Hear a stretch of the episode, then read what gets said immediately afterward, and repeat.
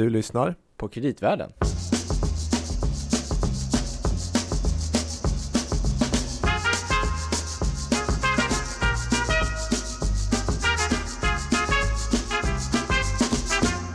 En stad i Sverige ska flytta från punkt A till punkt B. Ska flytta? Vad menar du? Alltså är ni seriösa? En hel stad? Ja. Oj. Ingen aning. Eh, Jag vet inte, nej. Malmö. Göteborg. Kristinehamn? Gävle? Karlstad? Kiruna, ska den flyttas? Ja. Ja du Louis, Oj oj oj. får en Det, det är alltid spännande om man går ut och frågar stockholmare någonting om de vet något i vad som händer i övriga landet märker jag. De vet nog att det ska byggas en mur mot Mexiko. Ja det gör de. Mm. Men det ska vi inte prata om Och idag. att Slussen ska byggas om. Och att Slussen. Men Eller det ska vi inte byggs om. prata... Ska vi varken prata om Slussen eller om Mexikos mur? Nej men vi har ju sagt att vi skulle ha en ambition att inte prata om Trump i något avsnitt Ja. i år. Och nu har jag det redan, här, nu det här är ett sånt det avsnitt. Ja, nu har jag Ja. redan förstört det i och för sig. Precis. Ja. Eh, Louis eh, Landeman Ja, och Gabriel Bergin. mm, på Danske Bank Markets som vanligt i kreditvärlden en podcast om det mesta men med fokus på Precis. finansmarknader egentligen. Ja, det är det. Mm. Men vi har tänkt, eh, förhoppningsvis i flera avsnitt, att ta upp spännande teman. Det händer mycket intressanta saker runt om i Sverige och vi tycker att det här belyses alldeles för lite eh, i vanlig media. Och eh, vi skulle vilja dra ett litet strå till stacken och försöka ta upp en del sådana här spännande teman. Det här med stadsflytten av Kiruna är ju otroligt intressant. Mm. Och jag känner själv att jag skulle vilja lära mig lite mer om det. Mm. Så då har vi som tur att vi har hittat en expert på detta område, nämligen Göran Kars. Välkommen hit. Tackar så mycket. Du är alltså professor i eh, stadsplanering på KTH Ja, det är jag. och även lite projektledare åt kommunen i Kiruna. Ja, vi har ett samarbete mellan Teknis och eh, Kiruna kommun och LKAB. Så att jag tillbringar merparten av min tid uppe i Kiruna för att just flytta staden. Mm. Hur, hur länge har du gjort detta? Då? Det har jag gjort sedan 2013. Just det. Okej. Men själva projektet, har, eller liksom, man har vetat om att man ska flytta staden mycket längre än så? Ja, alltså, eh, dråpslaget, beskedet kom ju någon gång 2006 om jag minns rätt. Mm. Att staden måste flytta. Och sen var det naturligtvis en tid av vånda och, och obeslutsamhet. Vad gör man? Mm. Kan man bygga en ny stad? Vad ska vi göra för någonting? Mm. Mm. Så runt 2012-2013 så börjar man förstå att nu är det liksom hög tid, nu måste vi sätta igång om det här ska bli en ny stad till den gamla måste då rivas. Just det. Och då behöver man få in för, förmodligen ganska mycket extern hjälp då? eller? För att det är ganska, måste vara många frågor att bena ut. Ja absolut, det är självklart så att, att det finns mycket jättebra människor i Kiruna men man, man är ju inte rustad för sånt här projekt. Det är en liten kommun och plötsligt ställs man inför en jättelik uppgift som skulle kräva liksom hemskt mycket av expertis som absolut inte fanns i kommunen. Så att Mm. vi är ett gäng som kommer utifrån och hjälper till med det här. Just det. Ska vi bara börja eh, backa Ja. tillbaka? Varför måste man flytta Kiruna? Om vi nu tar, antar att genomsnittslyssnaren inte Det är, en, vet. det är en relevant fråga Gabriel. Ja. Mm. Mm. Ja, förklaringen är enkel. Va? Vi har alltså den stora Kirunavaara-gruvan där LKAB bryter sin järnmalm. Och problemet med den är att malmkroppen den går inte rakt ner i marken utan den går i en vinkel in under stan. Och trots att man alltså bryter malmen nu på en kilometers djup så får man sprickbildningar på markytan när man tar ut malmen. Okay. Och de här sprickbildningarna kommer då närmare och närmare och 2018 så är det liksom riktigt akut läge. Då måste vi riva stora delar av stan. Just det, för annars så faller husen samman i princip. De faller samman och faller ner i gruvan och det vill vi ju inte ska hända. Nej, och, och det här visste man inte när man började bryta i Kirunavaara. Nej, fan, det var en, en total överraskning. Så det kom som en chock då mitten på 20, no, 20 början på 20-talet. Ja. Eh, att att eh, malmkroppen alltså fick som påverkan på staden. Mm. Men hur många människor pratar vi om? Som, hur mycket bostäder, hur, många, liksom, hur mycket ska flyttas? Liksom? Alltså det, vi pratar inte om så mycket människor, vi pratar om ungefär 8000 människor. Okej. Vilket naturligtvis för Kiruna-mått är jättemycket. Men Mm. det problematiska är ju att den här sprickbildningen går rakt in i centrumkärnan. Mm. Så det betyder ju att all kommersiell service måste bort. Alla offentliga byggnader, stadshus, bibliotek, sjukhus måste bort. Eh, Man måste lägga om järnvägen, man måste lägga om Europavägen och sen berörs då ett stort antal arbetsplatser i kommunen. För järnvägen är redan flyttad delvis? Eller? Den är delvis flyttad, så du har huvudspåret mellan Luleå och Narvik flyttat. Men vi har inte klarat angöringen till stan ännu. Ja, men hur, det här ska hålla på väl i ganska många år, är det inte så? Det ska det göra. Alltså, det, eh, sprickbildningen går ju successivt vart efter man tar ut malmen. Så att eh, processen kommer att pågå till fram till 2030. 2030. Men det dramatiska händer nu de närmaste åren, för det är då sprickbildningen kommer till stadskärnan. Eh, Och när det gäller stadskärnan så är det så att man kan inte flytta delar av en stadskärna i taget. Va? Kiruna är en liten Nej. stad. Så att det som är hemskt uppenbart för alla en var, det är att när man, när man stänger stadskärnan så måste man göra det i ett slag och sen öppna den nya stadskärnan samtidigt. För det var liksom min fråga att om man skulle vara så att man är, blir sent flyttad och har en affär så att säga. Då det måste det bli knepigt för då är det är inga som är där längre. För då har man Nej. flyttat till nya. Eh, Både de första, tänk att du själv hade Mm. en affär och så säger man du ska du flytta först här. Och du kommer till en byggarbetsplats. Och du är den enda butiken. Ingen Eller omvänt om du är kvar sist när Systembolaget har flyttat till gamla centrum. Hur kul är det då? Nej. Så att handlarna har ett jädra bra motto som både LKAB och kommunen omfattar. Det är handelsmannens ordför, ordförande i handelsföreningen som säger att vi ska stänga en fredag eftermiddag i nuvarande centrum och så öppnar vi måndag morgon i nya centrum. Jaha, det ska bli så alltså? Jaha, Nej, så snabbt kommer det inte att gå. Men, men det är ändå det handlar liksom inte om, om halvår eller Nej. år, utan det kan handla om kanske veckor, månader. Va? Men en, en handel i en sån liten stad går inte att flytta i delar, utan, och det är alla införstådda med. Men när man då flyttar centrumkärnan, bygger man upp en likadan, alltså det går väl inte, den ska väl vara i anslutning till ändå bebyggelse antar jag? Fast Oh ja, i en annan oh ja. del av stan. Det, vi, vi flyttar stan tre kilometer österut. Just det. Får man, Eh, får man fråga där bara, varför valde man den platsen? Jo, alltså det, det var mycket diskussioner om plats. Mm. Och från början så fanns det ett alternativ som sa att vi måste vara 100% säkra för all framtid. Och då ska man bygga upp den nya stan en bra bit bort, alltså flera mil bort. Mm. Och det är liksom otänkbart. Eh, sen så var man sugen på att lägga sig på ett av våra berg, Lussavaaraberget. Ja, just det. Eh, och det hade då fördelen att eh, vacker utsikt och så. Fint va, uppe mot terrängen, mot fjällvärlden. Ja. En Samtidigt alpeby nästan. Ja, precis. Va? Samtidigt var det inte särskilt tillgängligt och framförallt så fanns det då fortfarande min, eh, mineral som eventuellt ska brytas. Jaha, okej. Dessutom fanns rester av gammal gruvbrytning så det var liksom li- mark som var lite Mm. osäker. Va? Så till slut hamnade vi i ett läge som, som inte är det bästa utsiktsmässigt definitivt. Utan det är en, en ganska platt markbit som ligger då eh, förhållandevis nära nuvarande centrum. Men den har fördelen att vi knyter ihop stan på ett ganska bra sätt. Okej, just det. Om man bygger tätare? Eller? Oj, oj, oj. Ja. Det, det, alltså, likheten med den nuvarande stan finns bara i ett enda avseende. Och det är att vi flyttar med ett stort antal gamla byggnader. Mm. Men annars så kommer det bli en helt ny stadsform. Vi har ju, dels eh, har vi ju en kunskap om trender inom stadsutveckling. Vi pratar mycket om attraktiva stan och stan som social mötesplats, den kompakta stan. Och sen har vi haft dialoger med Kirunaborna och de är entydiga. Alltså, vi vill ha en stadskärna som har liksom stadskvaliteter, som har Ja, det här det- det nära, är så, täta, absolut. Är det blandat då? Alltså bostad, kommersiellt och annat i samma? Jajamän, alltså det, Kirunaborna använder inte ordet funktionsblandning, men det är det de är ute efter. Ja. Vi vill ha den här gammaldags handelsgatan med butiker i bottenvåningen och sen får det vara kontor och bostäder ovanpå. Ja, okej. Så att vi bygger upp hela stan runt ett stadstorg och en handelsgata och kring det har vi då en, en, en mycket kompakt eh, inne, stadsbebyggelse. För är det inte så att man säger att nuvarande Kiruna är så att säga lite mer organiskt byggt eller vad man ska säga? Ja, från, början, från början fanns det ju en, en genomtänkt tanke av, av Hjalmar Lundbom som var eh, LKABs första intendent. Han hade ju ambitionen att bygga Mönsterstan. Men sen så vet vi alla vad som hände i alla svenska städer på 60-70-talet. Vi hade stadsförnyelse.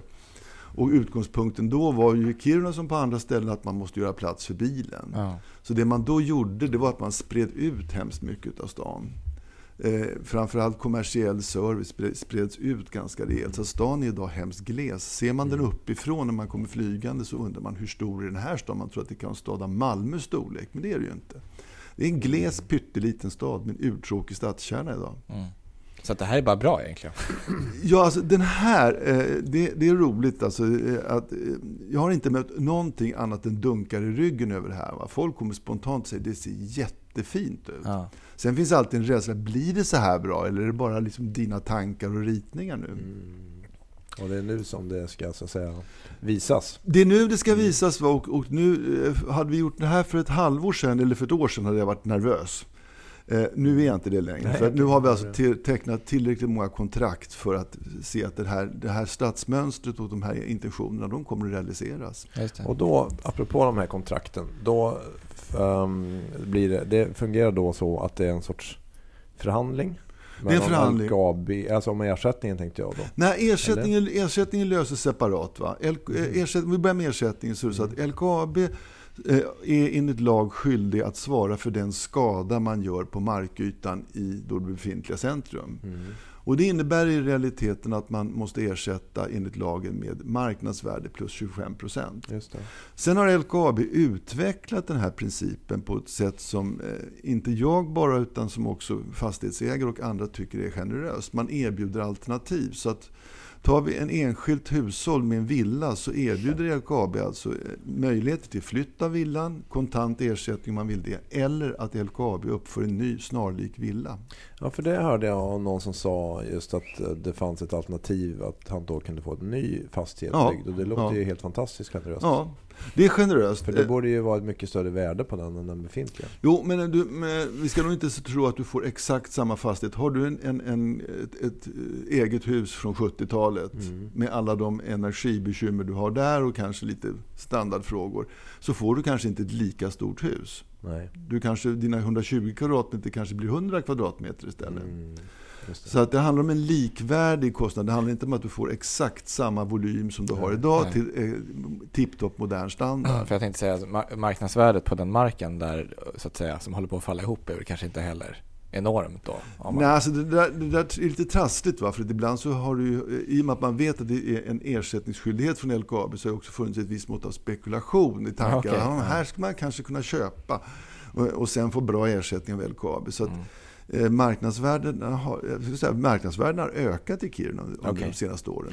Men man, man tänker sig att det blir någon brytpunkt att de som blir utköpta så kan det bli väldigt bra men sen ligger det utanför det så kan det bli lite tvärtom då kanske. Ja, alltså grejen är den... Då hamnar man ju längre bort. Ja, i och med att du flyttar centrum så, så är det naturligtvis så. Jag själv bor då utanför sprickzonen precis. Mm. Men jag har fem minuters gångväg till centrum idag. Okej. När centrum nu flyttar så kommer jag hamna mer i periferin. Ja, Så att jag är eh, på det sättet då en förlorare. Jag får Mm. längre till den kommersiella Ja, servicen. Mm. Å andra sidan så ligger då det nya centrum på ett sådant sätt att två andra stadsdelar som är ganska stora, Lussavaara och Lombolo, kommer att få Mm. mycket närmare till stadskärnan. Okej. Men det, det är intressant också för att mycket av det här som vi beskriver nu när man kanske hamnar mer i periferin eller liksom man får Mm. alltså, alltså, Det är ju sånt som händer i en stad men över väldigt långa tidsperioder tänker jag. Precis. Men här går det i Här går det hemskt fort. rek- rekordfart. Ja. Liksom. Det skapar vissa intressanta omfördelningseffekter och sådär. Det gör det helt klart. Alltså det, det, jag träffar ju folk som då bor i det här Lombolo-området som är alltså ett stort område byggt på 60, 70, 80-talet. Och de tycker att det här är fantastiskt. Alltså de har haft långt till stan idag. Eh, Ja, har, har de- idag. Och de hamnar plötsligt mitt i smeten nästan. Ja. Så de är verkligen vinnare. Mm. Eh, och vi som då bor upp mot Lussavaara där jag bor, där, vi får längre till centrum. Så det är precis som du säger, det, här, Ja. det, det är sånt som sker i alla städer alltid men som går i långsamma små steg och här går det ett kast bara. Men sen en annan grej som jag funderar på det är så här att då låter det som att om du är fastighetsägare så kommer det i alla fall, där du blir rätt Ja. hyfsat bra kompenserad i alla fall. Men om man är hyresgäst då har man ju inte rätt till någon ersättning på Nej. samma vis väl? Nej. Och, och då borde det väl bli så om man flyttar till en ny fastighet så kommer man få mycket högre hyra. Yes. Så hur, finns det någon lösning på Ja. det? Eller det För att det här var liksom akilleshälen va. Eh, för, att, på alla frågor. Ja. nej, men för att det här ska fungera, va? för att vi ska lyckas med den stadsomvandlingen. Det är hård tidspress, vi har krav på kvalitet. Då måste man känna att man har ett stöd för det man gör. Va? Och det är otroligt viktigt då att, att se till att människor är med på tåget. Mm. Så att eh, när det gäller hyresgäster så har vi tillsammans med LKAB och vi har ett nytt stort fastighetsbolag som förmodligen kommer in, bostadsfastighetsägare. Vi har en, en överenskommelse som ser ut så här. Va? Att om man väljer att flytta till en ny bostad så svarar LKAB för en intrappningshyra under sju år. Men eh, om man inte vill flytta till något nytt så är det då så att då har man en förtur hos alla de här stora fastighetsägarna till eh, vakanssatta lägenheter. Och i och med att det egentligen bara är en tredjedel av stan som berörs av det här så kommer vi under den här långa tidsperioden att kunna tillgodose de människor som inte vill flytta till nytt med en ersättningslägenhet i Okej. vakantställd lägenhet. Så man kommer att kunna välja om man vill inte ha något nytt och dyrt så kan man. Precis va. Mm. Och Kiruna är lite speciellt här. Alltså, vi har ju eh, Sveriges, om jag minns rätt, andra eller tredje högsta medianinkomst. Oj. Ja. Eh, och, ja vi har Vellinge och, och Danderyd som liksom ligger högre tror jag. Eh, och förklaringen till det, det är ju gruvan och att underjordsarbete är hemskt lönsamt. Så när jag jobbar, eller när vi jobbar med de här människorna som ska flytta så har vi ju allting ifrån eh, människor som har mycket god ekonomi. Och jag kan få frågor alltså, är, är det standard med bastu? Kan man få dubbla skoterförråd? Den typen av frågor. Okej. Samtidigt som jag har människor som jag ser flacka med blicken och säga att jag har, jag har Alltså jag lever på marginalen nu. Va? Enka, låg pension till exempel. Eh, Och det är otroligt viktigt för att den här processen ska rulla på och inte möta motstånd. Att vi då kan säga att ja, Då med din låga inkomst så kommer vi att kunna fixa någonting Mm. som gör att du, du får en likvärdig hyreskostnad och en, en likvärdig bostadsstandard. Okej, men det var ju bra för det hade jag funderat på. Hur gör man det annars? Du trodde du kunde fånga mig med brallorna nere där, Nej, men det, gick inte. Jag tänkte att det kanske finns en lösning som jag inte känner till och det gjorde Mm. det. Mm. Ja, det låter ju fantastiskt som att alla är hemskt eniga och sådär. Men liksom politiken och sådär, alltså i lokalpolitiken, finns det någon, är alla också överens där om den lösningen? Nej, absolut inte. Utan vi har ett, ett stort centerparti som har eh, tror jag, 30 procent av rösterna. Och de är kan man säga på opposition mot den rådande politiken och tycker att man skulle göra på ett helt annat sätt. Eh, däremot så är det en insikt hos politikerna som är tydlig att om man ska vara framgångsrik i det här så måste man ha ett ledarskap som är tydligt och man måste peka på en färdriktning som är, själv, äh, som är hemskt tydlig och definitiv. Så att eh, den plan vi har för stan, den har då eh, omfattats av faktiskt alla partier i fullmäktige och så har vi byggt upp en, eller har byggt upp en politisk majoritet av just det här skälet att eh, vara tydlig. Där vi har Socialdemokraterna förstås, eh, vi har Vänsterpartiet, eh, vi har Samelistan som är ett lokalt parti och Moderaterna. Som är med på det. Som är med, som sitter i kommunledningen. De bildar den politiska majoriteten idag. Och det inne skapar ju en trygghet. Va? För den första fråga jag får av alla som är intresserade av att komma upp och bygga och investera, det är vad händer efter nästa val? Om jag då skulle säga att nej, jag vet inte riktigt. Det är liksom skrivet i stjärnorna. Ja, Då kanske det flyttar till andra änden av stan istället. ja det, skulle, det skulle mycket väl kunna vara att de vill bygga på något annat sätt. Va? Ja. Då skulle ju naturligtvis alla investera dra öronen åt sig. Det skulle inte vara någon som investerar en krona. Men nu kan jag säga med visshet att det här som är den utvecklingsplan vi har nu, den har denna breda majoritet, politiska majoritet och det är den som gäller också efter valet 2018. Då kommer man förbi och gör klart det mesta, då är det ju svårt att säga, ändra på någonting i efterhand. Ja, det är det. Va? Men, men eh, den, stor, den stora svårigheten var nog egentligen inför det här valet som var 2014. Eh, och då var det så viktigt, va? för att det, det var så uppenbart när jag träffade byggare och investerare va? att, att vi satsar inte en krona innan vi vet att det här... Det är mycket pengar som Mm, läggs ja, ner va? innan du kör spaden i backen. Så att den polit, det politiska ledarskapet var avgörande viktigt. Vad, är det, vad är det som det har varit mest oenighet om då? Mest oenig. Eftersom du sa att Centerpartiet hade Ja, de, de, eh, Centerpartiets linje blir kort att de tycker att man borde gå ut och kräva mycket mer av staten och av LKAB. Jaha, okej. Eh, I ersättning? ja, ersättningar. Man har haft krav som till exempel nyckel mot nyckel som innebär då att du ska liksom få en helt modern ny lägenhet eller hus till samma kostnad och liksom, du byter bara nyckel. Och det är eh, krav som, som då den politiska majoriteten har sagt att det här är orimligt att ställa, det är orealistiskt, det är populistiskt att- att ställa sådana krav. Och då kan man säga att i Q3, för det tittade jag igår, så hade LKAB satt av 12 miljarder ungefär Ja. till den här flytten. Ja. Så det är inga småsummor. Nej, det är inga småsummor. Absolut inte. Och, och jag, eh, min bedömning är ganska ointressant, men när fastighetsägarna säger att vi tycker att det här är generösa ersättningsregler, då tror jag att det finns anledning att det tycker jag är en objektivare mätare på, på eh, ersättningsnivån. Vad tycker du har varit svårast i hela det här projektet? Är det all den här samordningen mellan så många olika intressenter? Eller vad är? Det, det är naturligtvis svårigheten. Alltså, vi ska in nu i lilla Kiruna, så ska vi ha in tio byggare i det här, de första kvarteren för stadskärnan. Eh, och att få dem att nappa på det här. Va? Att de ska samtidigt, för vi ska, återigen, stadskärnan ska vara klar vid samma tidpunkt. Så tio byggare ska upp med stora projekt, de rör sig ofta upp mot miljarden varje kvarter här. Va? Och göra detta samtidigt på en mark, på en plats som är helt obebyggd, helt jungfrulig. Så att komma och säga hej, vill ni vara med och bygga en ny stad? Så det är först en viss entusiasm och sådär. Va? Och sen är det naturligtvis ett otroligt viktigt att, och vi har, jag har dragit ihop alla de här byggarna tillsammans. Ja, Därför att det är så viktigt att alla är med på banan. Så att eh, det har skapats ett förtroende och en tillit mellan varandra som innebär att eh, man förstår att om min investering ska vara lönsam, ska gå hem, så måste andra göra sina grejer också. Det. Så att dra ihop dem tillsammans va? eh, och säga att det här är vårt gemensamma projekt. Vi måste lösa det tillsammans. Ja, och så vet ni naturligtvis hur det är. Va? Men det är ju självklart att varje byggare, varje investerare har ju liksom sina affärsidéer och sina saker. Så vi har ett motto som jag tycker är underbart. Totalt ärligt och i så hög grad som möjligt öppet när vi sitter och pratar. Det borde man använda i många sammanhang. Ja, alltså jag tycker att när- när, när, när vi får mina byggare och investerare att säga att detta är vårt gemensamma motto, va? då har man kommit långt i en process. Mm. Så här, det låter nästan som en så här teambuilding och kick-off med ja, diverse olika aktiviteter och sådär. Ungefär så. Vi har avstått från tidigare. Jag tror att, Bungee jump. Ja, Ja, bungee jump.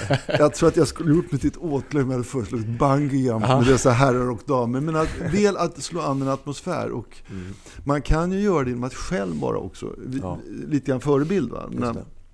De hade en hemskt diffus bild av vad kommunen var för några. Vad är det för politiker, vad är det för tjänstemän, vad är det för, för kompetens och för ambitioner som finns här. Genom att vara hemskt ärlig, uppriktig och också visa att jag var påläst om deras villkor, eller att vi var påläst om deras villkor, deras förutsättningar. Så lyckades vi under ett, ett loppet av ett antal möten för att skapa den här atmosfären av tillit och förtroende. Och den är avgörande viktig för att lyckas. Men har det, har det bidragit, tror du, att du så att säga, så här, kommer utifrån men ändå har liksom en bas som är en annan? Att få med dem på tåget så att säga? Jag tror att, att- jag har ju innan jag kom till Kiruna jobbat med stora stadsutvecklingsprojekt på andra håll. Och jag vet ju att eh, det är självklart att de politiker och tjänstemän jag jobbar med i Kiruna som inte har den här erfarenheten, att de naturligtvis har, har lyssnat och tagit Mm. intryck tror jag. Mm. Eh, och för eh, folk utifrån, alltså från byggare och investerare, är det naturligtvis så att det känns tryggt att, att, vi, att de vet att det finns personer i det här som har gjort liknande stora projekt tidigare. Mm. Eh, innan, nu har ni kommit ganska långt, men den här tidiga processen när det är liksom plan och, plan och byggprocessen och det är riksintressen och det ena och det andra. Mm. Det är en ganska snårig process eller? Ja, det är bara förnamnet. Alltså det, det, det är turer som är, är tragikomiska nästan. Eh, vi, Kan du ge något exempel? ja, ett, ett exempel som jag tycker är underbart. Det är, eh, alltså hela, hela Kiruna är omgärdat av riksintressen. Alltså ytan är lika stor som Halland, Skåne, Blekinge tillsammans. När vi skulle då fundera på hur ska vi bygga stan, så upp till det finns ingen mark. För det var riksintressen för naturliv, Mm, det var riksintressen för obrutna fällområden, för rennäring, för gruvdrift, you name it. Precis runt om så säga, Runt, staden. om, runt hela stan, vi är omgärdade av den. Och till slut så sa vi att eh, vi hittar en utbyggnadsriktning. Vi pratade med Länsstyrelsen som gav ett klartecken att det där tycker vi verkar rimligt. Och vi förde en förhandling då med berörd sameby om att kompensera för det ingrepp vi gjorde i deras renbete. Mm. Och då tänkte jag, nu är det klart. Ja. Nej då. Utan då får, är det Jordbruksverket som ska ge ett yttrande också. Och då efter ett års tänkande så kommer då ett yttrande där det står att men det här är ju renbetesland. Och så kom slutklämmen, kan ni inte bygga stan någon annanstans? ja, okej. Ja, Vad sa ni då? Då sa vi, eh, jag ska inte säga vad vi sa för det lämpar sig inte i en podcast. Men alltså många turer senare, lång tid senare, så får vi då ett klartecken att bygga stan. Vi måste riva vårt stadshus, ett annat underbart exempel. Eh, men Kiruna stadshus är ju unikt. Va? Det har vunnit Kaspers Sahlin-pris och du har en fantastisk Mm, ja, inredning. speciellt, ja. Mycket speciellt. Va? Eh, Men att flytta denna jätteklumpa, det, Mm. det var kostnader som var fullkomligt oöverstigliga. Så vi var helt överens med LKAB, vi kom överens med Länsstyrelsen om hur vi skulle kunna bevara detta hus. Eh, och när allting då, eller bevara inredning och detaljer i huset. Ja, då överklagar andra statliga myndigheter beslutet. Så Riksantikvarieämbetet går in och överklagar beslutet att få riva huset. Ja, det Ja. känns ju lite märkligt. Det är lite märkligt. Men samtidigt, bara för att liksom eh, sätta någonting emot så är det väl att det är väl det som är poängen med, alltså om man har den, den typ av institutioner man har. Ja. Att det ska finnas checks and balances eller kontroller på det man gör. Absolut, men de ska banne mig inte jobba oberoende av varandra. Så har vi inne Länsstyrelsen och, och kulturmiljöenheter som tittar på detta och jobbar och staten, men Länsstyrelsens uppgift är att säkerställa nationella och statliga intressen. Mm. Om de gör denna prövning så ska den när den är klar inte sen över, överklagas av andra statliga myndigheter. Mm. Alltså detta har dragit ut på tid och det har kostat massor med pengar och massor med energi. Och resultatet blir Resultatet, detsamma i slutändan. Ja, det är samma i slutändan. Vi, ska, vi river stadshus, men det är ju ett egenintresse vi har att bevara så mycket som någonsin går i detta stadshus. Så att Mm. Nu i april, maj så lyfter vi av klocktornet, det berömda klocktornet på stadshuset och kör en mörk natt till nya centrum där vi ställer det nya det tornet på det nya stadstorget. Mm, det blir symboliskt. Det är mycket symboliskt alltså. Det, är- det är Mm. en stor grej. Du har väl haft som en käpphäst det här till exempel att med, vad gäller Länsstyrelsen att man så att säga jobbar mer tillsammans. Ja. Så att man får dem involverade och, och Ja. säger kan ni själva komma med förslag? Ja. så, eller hur? Ja, precis. precis. Mm. Och alltså det, det, det vi insåg med den tidplan vi hade var att det här kommer aldrig att gå om, om vi inte jobbar bra med Länsstyrelsen. Nej. För det som har hänt med med planen, vad som händer med planen, när den är klar, då ska den granskas av Länsstyrelsen. Och i Kiruna-fallet med alla riksintressen och allt vi har, så är det så att vi ofta får tillbaka planen. Där Länsstyrelsen har sagt att det här går ju inte, ni kommer i konflikt med det här intresset och det här intresset. Så får man jobba om planen. Ja. Och den tidsresan är minst ett, ett och ett halvt år. Så att eh, vi sa att vi måste jobba på ett annat sätt med Länsstyrelsen. Istället för att Länsstyrelsen ska vara reaktiv och komma in i efterhand så vill vi ha Länsstyrelsen med redan från början. Mm. Och så åkte vi ner till Luleå och träffade Sven-Erik Österberg som är landshövding. Och jag måste säga att jag aldrig i mitt liv varit så förberedd som den föredragning jag då skulle ha där jag skulle försöka motivera varför vi ville att Länsstyrelsen skulle jobba på ett nytt sätt. Och jag tror jag kom tre minuter in i föredragningen när Sven-Erik Österberg sa det där låter logiskt, vi kör så. Så att i vårt jobb i Kiruna har vi alltså haft en person från Länsstyrelsen med. Och hon var suveränt duktig på att se vad som var potentiella konflikter med nationella intressen. Så när vi först placerade vårt, stadshö- eller vårt, nya stadshotell i ett visst läge så sa han, det där går ju inte. Och det var inflygningshöjder, flygplats och annat. Va? Ja, okej. Men istället för att bara säga att det går inte så, så gick hon hem. Och så kom hon tillbaka sen och sa man skulle kunna flytta det vid en lätt omgruppering i ett tidigt skede så klarar den inflygningshöjderna. Mm, Så att man, det. man kan säga att Länsstyrelsens roll från att ha varit den här negativa problemfinnaren Mm. i efterhand blev en hemskt konstruktiv problemlösare. Och Kan kanske, man- kanske roligare för dem också. kunna Ja, så grejen precis. Va? Det, det, det säger sig självt att, att är en yrkesroll som handlar om att se problem och lösa problem. Och oändligt mycket roligare än att i efterhand peka på problem och säga att ni måste göra någonting åt det här. Men du som har en del erfarenhet av andra byggprocesser runt om i landet, går det att jobba på det här sättet mer eller är det bara när det är så jätteprojekt? Nej, det- det, här- det, alltså, det, det är klart att det går inte för små projekt att du har ett bygge eh, 50 bostäder att tro att du ska kunna ha en handläggare från Länsstyrelsen. Men, men när det är större projekt så är det ett utmärkt sätt att jobba. Och eh, jag har varit på lite turné nu liksom, eh, på länsstyrelser runt om i landet för att prata om just det här sättet att jobba. Det är precis på gång. Jag var på Handelskammaren i Stockholm för ett par veckor sedan och pratade med Länsstyrelsen i Stockholm för att de ska försöka eh, hitta, utveckla ett liknande arbetssätt att jobba proaktivt. Mm, för det är väl det som många klagar på som bygger och investerar nu när det ska byggas så mycket. Ja. Att det är så många turer fram och tillbaka. och Ja, tid. precis. Ja. Och grejen är den att har du en, en duktig handläggare på Länsstyrelsen så ser de ju på en gång vad som är potentiella problem. Men återigen, som, som jag var inne på, alltså, att, att en- ens mentala bild och ens professionella Ja. roll ändras beroende på vilken uppgift den Ja. är. Va? Alltså den här tjejen på Länsstyrelsen, hon var suveränt duktig på att, att, att se potentiella problem men att också hitta lösningar, i den nya roll hon fick. Kan vi prata lite om den här plan och bygglagen? Absolut. För den vet jag att du har en del synpunkter på. Men ni har ju skrivit någon, ni gjorde en SNS-rapport för några år sedan, eller hur? Ja, det gjorde vi. Det Om gjorde det vi. Och hur man skulle kunna reformera lite grann. Ja, precis. Och det var ganska många, det var ganska många punkter. Um, det bland annat tog ni upp det här med avskaffade kommunala planmonopolet. Var en sån. Ja, alltså ett problem som vi såg hemskt tydligt det var alltså i denna enorma bostadsbrist vi har va, så är det så att Om du tar kommunerna i en region så säger allihopa vi måste bygga mer bostäder för det. Stockholm är ett jättebra exempel. Och vi har en stark tillväxt och vi vet att vi behöver bostäder för att, att bejaka tillväxt och utveckling. När det sen kommer till skott, ja då bygger vissa, tar sitt ansvar och andra glider runt och säger att nej, vi, då, vi, låter, vi överlåter det här ansvaret på andra. Ofta därför att de är fega och inte törs ta den lokala diskussionen på hemmaplan. Men varje projekt eh, som man ska göra så är det alltid några sådana här NIMBY-grupper va, som dyker upp. Bygg gärna bostäder, men inte just där jag bor. Just här ska det inte not, vara. NIMBY är not in my backyard. Not in liksom. my backyard. Alltså. Gärna bostäder, men inte just där vi bor. Va? Mm. Och som kommunalpolitiker är det ibland svårt att stå emot det. Du har en stark, eh, starkt argumenterande opinionsgrupp som säger för fan inte bygga hos oss. Att då stå emot det eh, är svårt, inte minst med tanke på att man kanske vill bli omvald.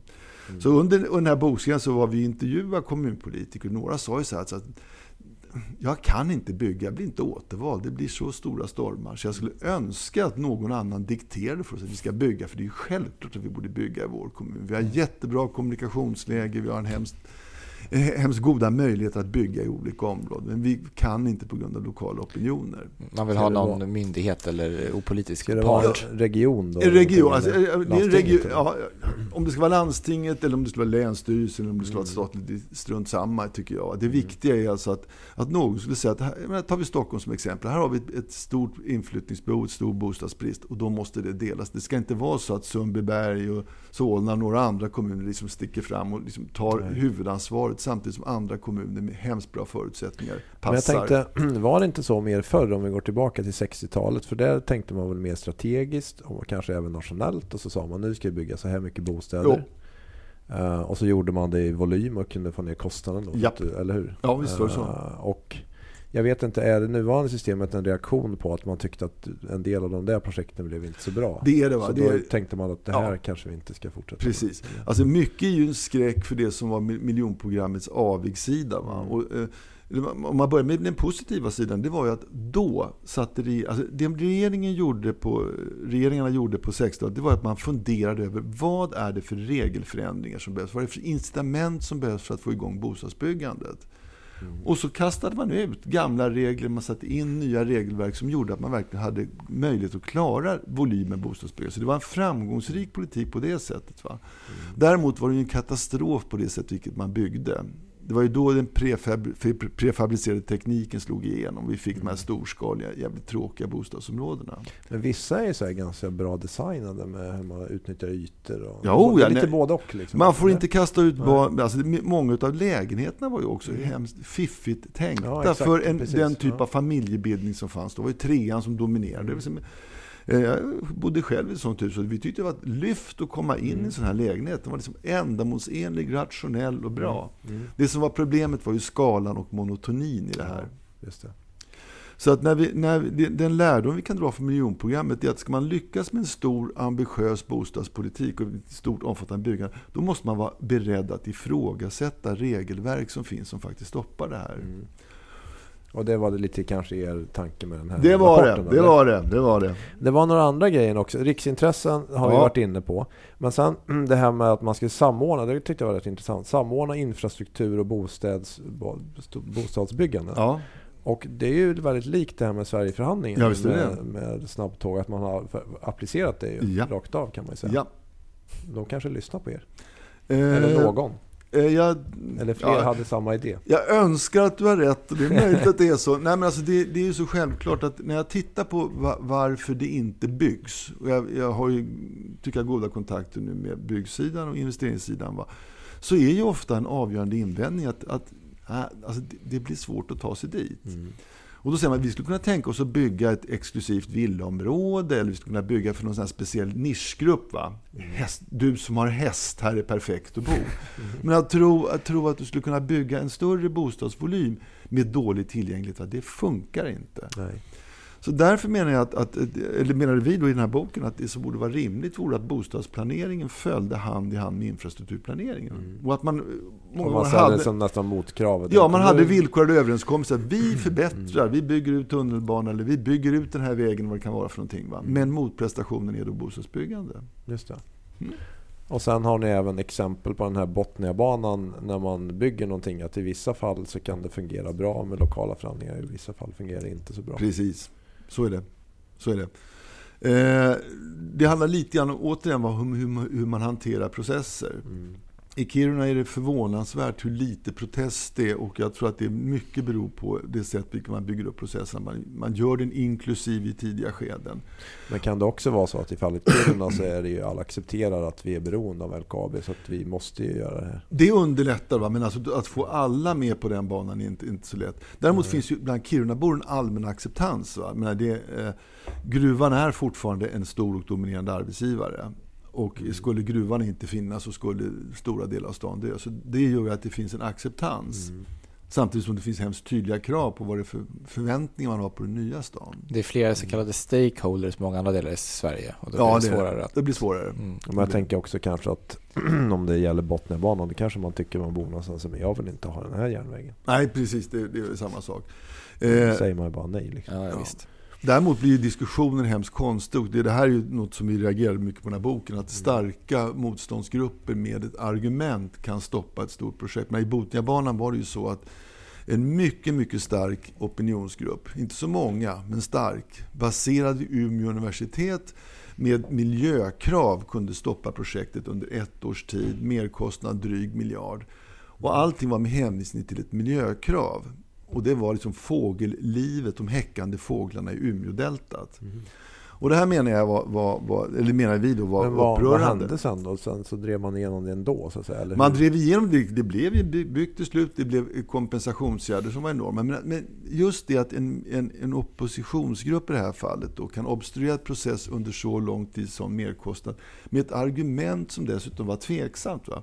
För visst påverkades fågellivet i Umeå, i Umeådeltat där va? och det är en miljöpåverkan. Men vad var den stora miljökonsekvensen utav Botniabanan? Jo, det var att du kunde flytta persontransporter och framförallt godstransporter från E4, landsväg, till järnväg. Så att det är det som ofta blir konsekvensen av de här starka grupperna. Man driver en särfråga, man driver den så hårt och man driver den med personer som är kompetenta, som kan alla turer. Ja. Använder alla sätt att obstruera och besvära ett process. Och så får vi en hemskt konstig lösning till hemskt kost- hög kostnad. Det kan vara svårt ibland att få ihop det lilla och det stora perspektivet. Ja. Och det ligger ju naturligtvis i, i den enskilda individens rätt att protestera. Att man, de, de kan inte se helheten alltid. Men, men vi som samhälle borde se mer av helhet. Mm. Det tycker jag vi fick ändå ihop lite grann av det stora och det lilla perspektivet i det här avsnittet, eller hur Louis? Det fick vi. Mm. Det finns ju mycket mer att prata Det om det det. här området konstaterar man Ja, direkt. och även om eh, eh, så, såklart eh, allt annat som Göran kan så mycket om med Ja. stadsbyggnad generellt. Det kanske vi Det får blir en, vi sa det, det får bli en ny poddserie som vi kör här med. Ja men vi kanske kan återkomma och ta upp lite nya delar Det vore ett nöje. och även höra hur det går med det här i Kiruna. Ja, alltså jag förväntar mig åtminstone en uppföljning att vi Ja. sitter här igen om tre år och så säger ni hur Ja. blev nu detta nya Precis. centrum? Ni har byggt en ny stad för första gången på hundra år i Sverige. Ja. Du, en sista fråga. Har du, varit, har du sett något annat lika stort projekt eh, utomlands till och med än som det här i Kiruna? Eller? Grejen är alltså, vi pratar om uppmärksamheten kring projektet. Uppmärksamheten kring vårt projekt är större i utlandet än i Sverige. Jag har veckovis eh, utländska besökare, utländska media här. Och när jag var alldeles ny så hade jag Der Spiegel på besök. Och då frågade dessa ordentliga tyskar, har något liknande skett tidigare? Och då sa jag, inte en aning. Sen kom det fyra veckor senare ett eh, mejl från den här reportern på Der Ja, Spiegel. Sa, det har inte hänt tidigare, jag har undersökt. Okej. Så vanligtvis tysk omsorgsfull källa säger att vi är Det kan vi unika. lita på. Men då kan man ha som ett tips också att folk i Sverige åk och turista i Kiruna och titta på det här spännande projektet. Ja, det, det är roligt. Alltså, vi, vi har ju en Ta, stark ta besöks... tåget. Ja, precis. Vi har ju en stark besöksnäring redan. Ni vet, ishotell och midnattssol och allt sånt här. Va? Eh, Men vi har fått en ny grupp turister nu. Och det är folk som alltså åker runt och tittar på stadsomvandling. Ja. Så vi har, vårt, vårt nya stadshus är nu klart exteriört på nya läget. Första byggnaden är klar där. Och där står folk och tittar mitt ute i vildmarken på ett nytt stadshus och tänker här ska det bli en stad om tre år. Fantastiskt. Ja. Louis, dit får vi åka någon Ja, det är kreditvärden. Och- Kanske kommer dit. Det hoppas, det hoppas vi. Vi kan också tipsa om för den som tycker att det är spännande det här med, eh, och vi pratade en del om just Sverigeförhandlingarna och det, så gjorde vi ett avsnitt med Just Sverigeförhandlaren HG Westberg, Ja, nummer 51. det kan vi varmt rekommendera faktiskt. Eh, så, Mm. Bra. kanske lägger en liten länk till det avsnittet. det kan jag göra om man Ja, går in och till text. Ja, så, ja, Mm. det Bra. Stort tack. Tack så mycket själva, Ja, det här trevligt. var väldigt intressant. Mm, verkligen. Och Gabriel, ska vi som avrundning lyssna på det där sista klippet om när de i Kiruna får chansen om de vill hälsa till någon i Stockholm? Det ja, slutar vi med. Perfekt. Bra. Tack Ja. så mycket. På återhörande. Hej hej. Hej. Skulle ni vilja hälsa någonting till stockholmarna? Lycka till! Kämpa Stockholm.